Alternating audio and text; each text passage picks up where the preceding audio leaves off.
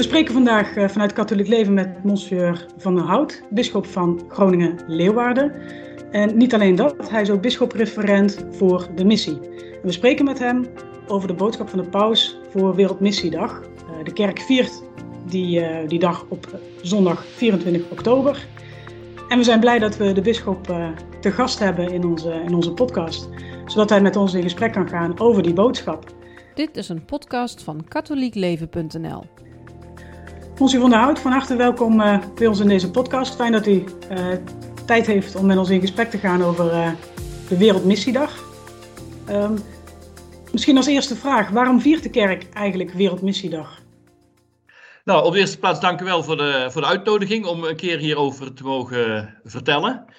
Um, afgelopen zaterdag ben ik overigens, als ik dat even als opstapje mag gebruiken, Um, aanwezig geweest bij het 30-jarig bestaan van Fidesco in Nijmegen. En daar heb ik ook gesproken over de missie van de kerk uh, in deze tijd. Dus uh, dat sluit eigenlijk wel heel mooi aan bij de podcast van, uh, van nu over missie en Wereldmissiedag. Waarom viert de kerk Wereldmissiedag? Omdat de kerk per definitie missionair is. Um, vanaf het allereerste begin al, nadat Jezus uh, gestorven is en verrezen is, uh, opgestegen is naar de Vader, toen al heeft hij ons een uh, missieopdracht meegegeven. het evangelie sluit, sluit, al af, gaat uit, trekt over de hele wereld en doopt, maakt mensen tot mijn leerlingen. En doopt hen in de naam van de Vader, de Zoon en de Heilige Geest en leert hun te onderhouden alles wat ik u bevolen heb. Nou, daarvoor daar zit denk ik het missiestatement van onze kerk. En dat is een missiestatement dat we zelf niet hebben uh, gekozen. Want uh, missie en visie zijn allemaal dingen waar je zelf over moet nadenken. Hè? Van je eigen instelling of organisatie. Wat is onze missie? Nou, dan moet je proberen helder te krijgen. Maar wij hebben een missie gekregen van, uh, van Christus. En dat, die missie maken wij tot de onze. En die missie die hebben we eigenlijk al 2000 jaar. En het is goed om daar um, aandacht voor te vragen, om daar ons, uh, onze energie in te steken, om daarover na te denken. Uh, en daarvoor vieren wij Wereldmissiedag. En als ik me goed herinner of goed uh, heb ingelezen, is dat al sinds 1926 dat we dat doen. Dus bijna een jubileumjaar. Ik denk het, ja. ja. Er is natuurlijk al lang nagedacht over missie de grote missiebewegingen zo in Nederland hebben we natuurlijk al gekend vanuit de 19e en de 20e eeuw. Dus heeft een geweldige uh, boost gegeven, denk ik, vanuit de Nederlandse kerk die zich aan het, zich aan het emanciperen was. Um, en dat heeft ontzettend veel uh, ja, teweeggebracht en opgeleverd in Nederland, maar ook in al die landen waar we naartoe gezonden werden of ons naar lieten zenden. Maar al bijna 100 jaar dus zo'n Wereldmissiedag. Uh, daar zit misschien ook een bepaalde ontwikkeling in. Nou zeker, want missie nu is toch anders dan missie uh, 100 jaar geleden. Um, Paus Benedictus XV, die een uh, brief schreef, Maximum Illud, in 1919 dus, dus net iets meer dan 100 jaar terug. Uh, die heeft al erop gewezen dat missie niet iets is wat in het kielzog van de kolonis kolonisatoren moet gebeuren. Het is niet een, een uitvloeisel van de kolonisatie, die toen natuurlijk toch nog wel aan de orde was. Maar uh, missie heeft toch een eigenstandige uh, betekenis. en die ontwikkeling is natuurlijk alleen maar doorgegaan.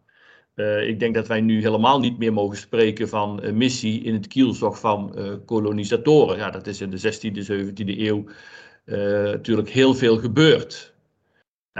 in die zin is er ontzettend veel veranderd. En wat ook natuurlijk erg veranderd is, is dat missie veel meer um, een heen en weer is geworden. Hè? Dus of ik bedoel, um, een, een naar daar en weer terug. Dus het is veel minder een eenzijdig gebeuren. Um, dat merk je al heel concreet aan de missionarissen die vanuit bijvoorbeeld Azië, Indonesië of Afrika uh, naar Nederland komen en hier komen werken. dat zijn feitelijk missionarissen. die hier ons mee willen helpen de kerk op te bouwen. De kerk weer op te bouwen. Dus er is een hele wederzijdse betrokkenheid gegroeid. Um, dus veel minder inrichtingsverkeer. Dat is een ontzettende grote verandering die er gekomen is in de laatste jaren.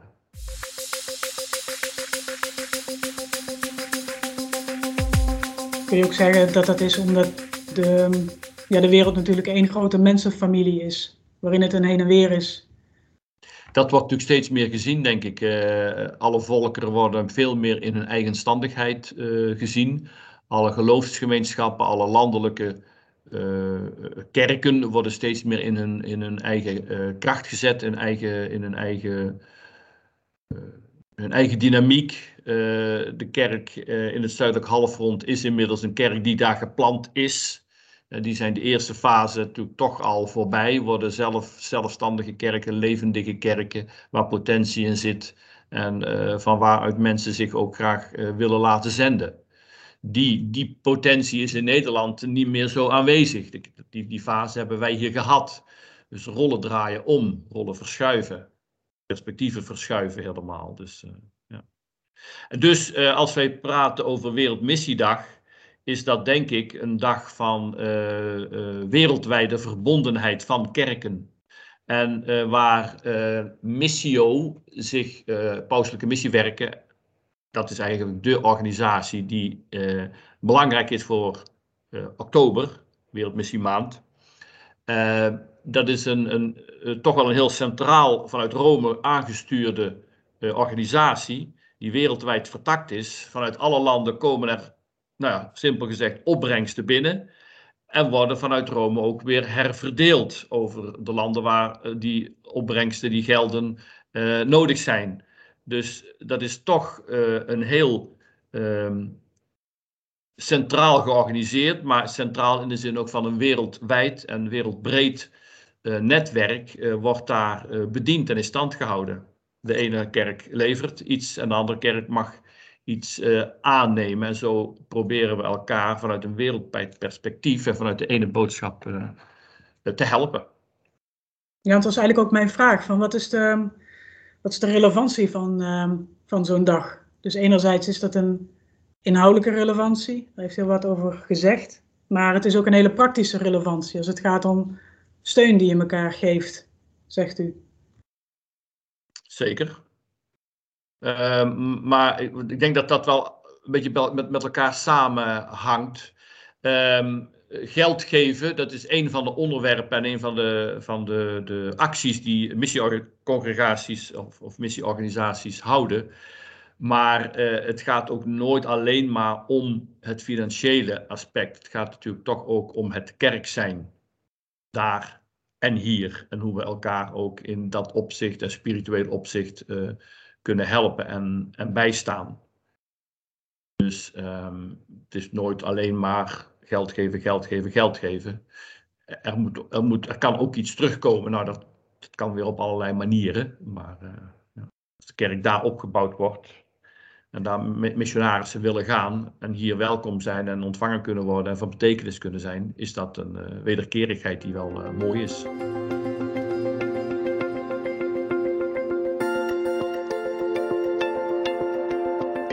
Waarom ehm, mogen we eigenlijk de Wereldmissiedag niet, uh, niet vergeten. Waarom is het goed om erbij stil te staan?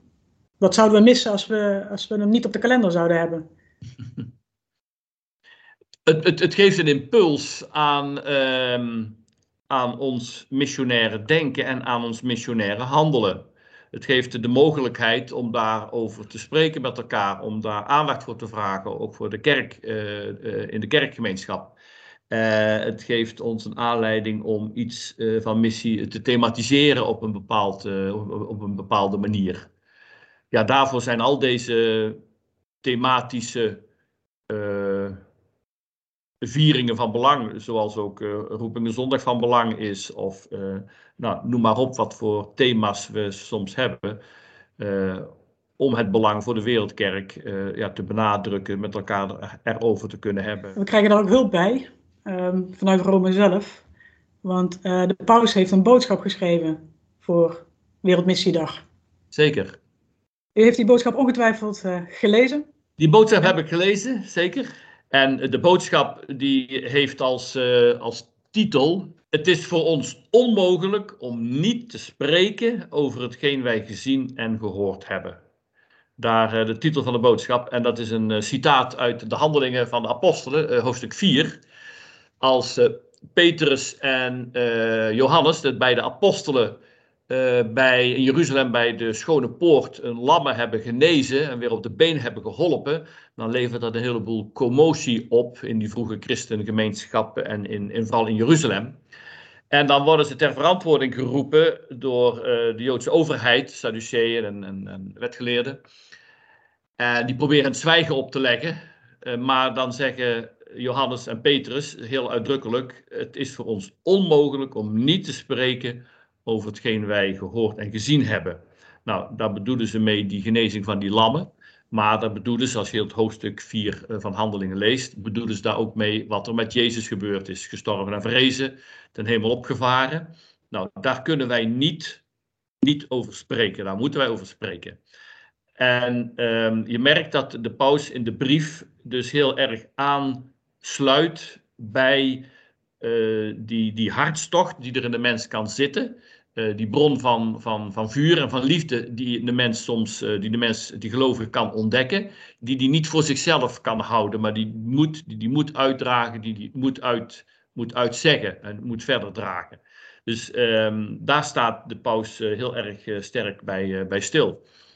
Als je eenmaal ja, op een of andere wijze door de liefde, en dat kan trouwens ook zijn als je als jongen een meisje leert kennen, en uh, dat mag een beetje in de openbaarheid komen. Dan laat je dat namelijk heel graag zien. Dan loop je gearmd op de kermis rond. Je wilt dat laten zien. Ja, zo simpel is het soms eigenlijk wel. Als je dus de liefde van God hebt ontdekt, dan wil je dat ook niet voor jezelf houden. Nou, en de paus geeft daarin met zijn brief zeg maar alle ruimte, alle ruimte voor. Nou, om dat dan uit te dragen en het niet voor jezelf te houden.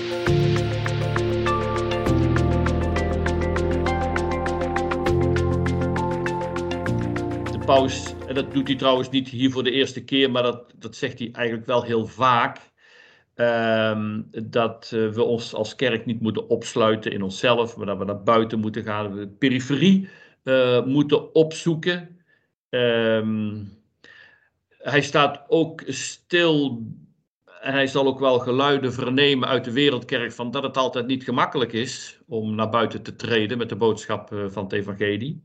Maar dan zegt de paus, maar dat is nooit anders geweest. Ook de eerste christenen hadden last van uh, beperkingen die hun werden opgelegd om de boodschap naar buiten te brengen.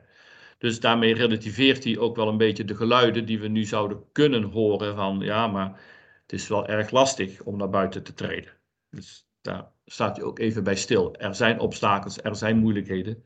Maar de kunst is om daarmee om te gaan en proberen die te overwinnen, om toch een weg te vinden om, om het wel te, te kunnen. Ja, er zitten een, paar interessante aspecten aan natuurlijk. Wat u zegt van uh, de, de titel is, is een uitspraak van uh, de apostelen na de genezing van een lamme. Um, Ze hebben dus iets ervaren. Ja. En die en ervaring, die kun je niet voor jezelf houden. Die, die moet je uiten. Dat is een innerlijke drive. En die genezing zegt dat, daar gaat het natuurlijk in de, in de missie, uh, beeld wat we daarbij hebben, gaat het daar natuurlijk ook vaak om. Want dan gaat het over uh, inzet voor onderwijs, inzet voor ziekenhuizen.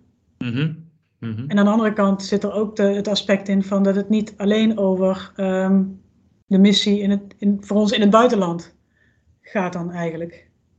Als u zegt van uh, ja, je moet ons niet opsluiten in onszelf, we moeten de periferie opzoeken.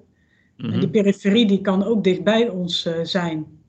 Nou, dat zegt de paus inderdaad ook. De periferie is niet ver over de grens, maar de periferie is ook uh, dichtbij, is ook in de eigen uh, kring, eigen, kan ook in de eigen familiekring zijn. Hij praat zelfs over, um, als ik me goed herinner, existentiële periferie. Dus ook mensen kunnen in existentiële zin helemaal aan de kant staan, terwijl ze onder ons leven en wij ze eigenlijk gewoon tegenkomen en niet ver weg zijn, maar existentieel op een afstand leven. Juist daar naartoe gaan is trouwens ook heel erg moeilijk om deze mensen dan te bereiken. Maar missie is ook heel kort bij. Ja, wat mij ook opviel is dat het zo. Um, u sprak er net over het, over het heen en weer eigenlijk, hè, over de hele wereld ehm, gaan. En de brief gaat eigenlijk ook een beetje heen en weer. Want het gaat over de periferie elders, het gaat over de periferie dichtbij. Ja. Ehm, het gaat over, volgens mij ook over de inzet van alle gelovigen. En het gaat ook om de inzet van arbeiders voor de oogst, dus het, het, roepingenwerk. Ja. Dus het is eigenlijk een, ehm, een hele brede boodschap, had ik, uh, had ik de indruk. Zeker, maar ik denk niet dat dat helemaal nieuw is, denk ik. Hè? Maar dus dat, dat, dat, dat hoort wel echt bij deze tijd. Dus uh, het gaat ook zeker niet exclusief over wat wij traditioneel gezien missionaris noemden, maar het is inderdaad ook eh, gericht als een boodschap aan alle, alle gedoopten. Ja. Iedereen missionaris? Ja, alhoewel natuurlijk toch zijn er altijd mensen die zich wat speciaal daarvoor geroepen weten. Um, niet iedereen. Um, kijk, er zijn ook mensen die graag catechese geven. Er zijn ook mensen die graag dienstbaar zijn in de liturgie. Uh, er zijn ook mensen die heel missionair zijn ingesteld. Dat is niet iedereen. Dat heeft niet iedereen evenveel. Uh, dus we, we mogen uh, gebruik maken van de kwaliteiten die afzonderlijke mensen hebben. Die hoeven niet allemaal hetzelfde te doen. En als het gaat over de titel van de boodschap, het is voor ons onmogelijk om niet te spreken over hetgeen wij gezien en gehoord hebben. Heeft u zelf ook zo'n ervaring gehad? soms bestudeer ik dan een Bijbeltekst met het oog op uh, de zondagspreek. En dan denk ik van mezelf: hé, hey, hier heb ik iets moois gevonden. Dit is een, goed dit is een goede gedachte. Dit is een goede, een, goede, uh, een goede uitleg. En dan voel ik wel een bepaalde drang van om dat dan ook uh, op een goede manier op die, in die zondagsviering, die zondagsmis, onder woorden te brengen. Dan heb ik dan op zo'n moment heb ik dan zin in preken. Nou, ik vergelijk dat maar een beetje met uh, wat de paus daar zegt, het is onmogelijk om niet te spreken. Maar dus je moet eerst zelf iets ontdekt hebben op een of andere manier. Um, waardoor je geboeid bent geraakt en waardoor je het ook graag en makkelijk overbrengt. Uh, dus um, dat is een voorbeeldje zoals ik het zelf wel eens uh, heb ervaren. En een ander voorbeeld, um, ik heb uh, een paar maanden geleden iemand op bezoek gehad, kwam tamelijk onverwacht hier aan de deur. zat eigenlijk in, een student, zat in moeilijkheden op allerlei terrein. Um, en ja, had ook bepaalde fouten gemaakt, waardoor hij eigenlijk dacht, God houdt niet meer van mij. Nou, eh, op zo'n moment, als je zo'n levensverhaal als zo'n geschiedenis, dat tamelijk recent is, dan dat hoort, ja, dan kun je toch ook van harte zeggen van nee, nee, nee, God houdt wel van jou. Um, en dat zijn zo van die uh, pastorale, unieke situaties, waarin je dat vol overtuiging kunt zeggen. En graag zegt. Um, dat zijn dan de kleine uh, missieervaringen, zal ik maar zeggen, in het kader van uh, de titel van de brief van vandaag, van, uh, van de Wereldmissiemaand. Want het zijn ook dingen het zijn, die... geen, het zijn geen grootste dingen. Ik ben geen missionaris. Het. Maar het is wel iets wat, wat vanuit uw eigen ervaring komt. Ja, ja, en waar je dan iets bespeurt van een bepaalde gedrevenheid die van binnen komt en die je dan uh, ook niet voor jezelf houdt, maar wel uit. Op een manier dat het ook bij je past. Op die manier Misschien mag ik dat ook als missie uh, betitelen.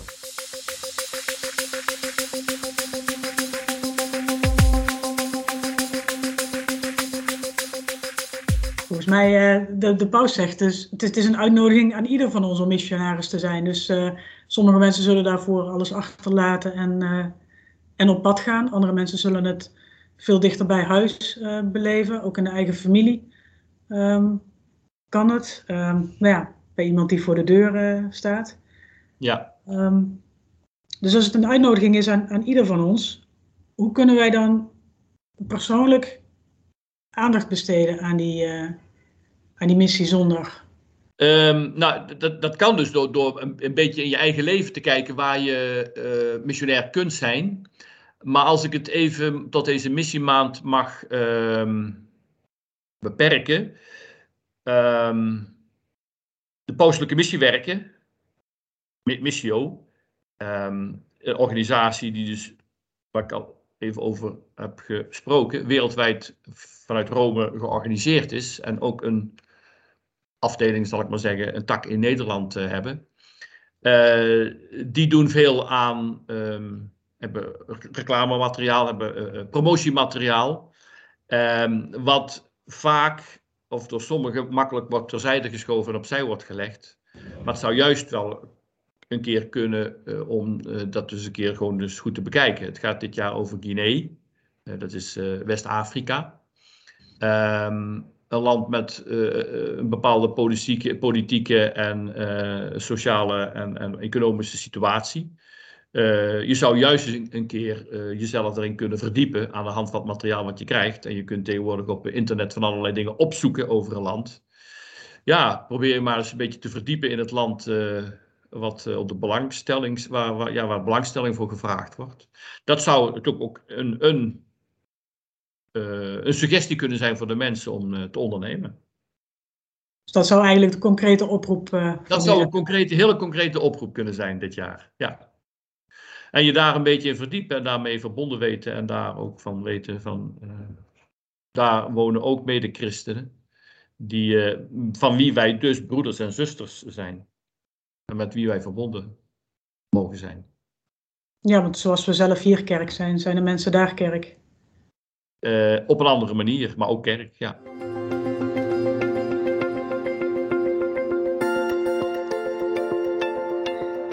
Ik vroeg me nog af, uh, Paus heeft mooie dingen gezegd in die, uh, in die brief. Een aantal daarvan zijn al uh, langsgekomen in wat hij heeft verteld.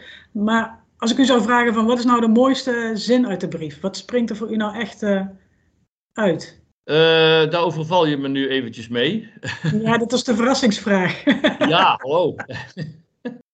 Nou, wat, wat er nog een, eigenlijk uh, ook in zit, dat vond ik dus wel een, een passage die natuurlijk alleen maar in deze tijd past.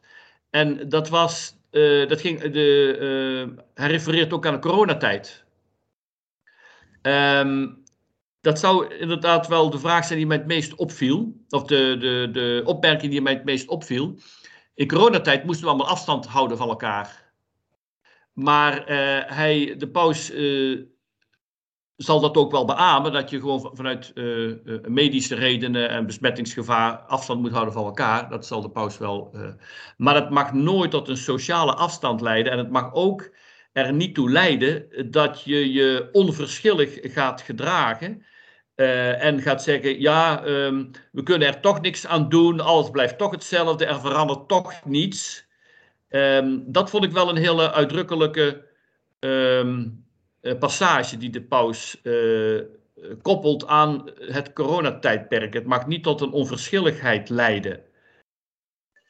Dus wij, wij worden uitgenodigd om een, um, een gemeenschap te vormen van solidariteit en verbondenheid. En er kan ons als mensen een soort um, defetisme overvallen van um, ja, och, skepsis alles blijft toch hetzelfde, we kunnen er toch niks aan doen, uh, laat maar zitten. En dat we dan een soort, in, een soort apathische uh, verhouding gaan vervallen. Daar protesteert de paus wel erg duidelijk tegen. Dus uh, wij moeten ons blijvend laten uitdagen om die ander die op afstand staat of die in de periferie zit, om die te, te bereiken. Daar moeten we ons uiterste voor inspannen. We mogen nooit uh, lethargisch worden en uh, zomaar de zaak de zaak laten. Dat, dat vond ik wel een, een heel opmerkelijke passage van de paus.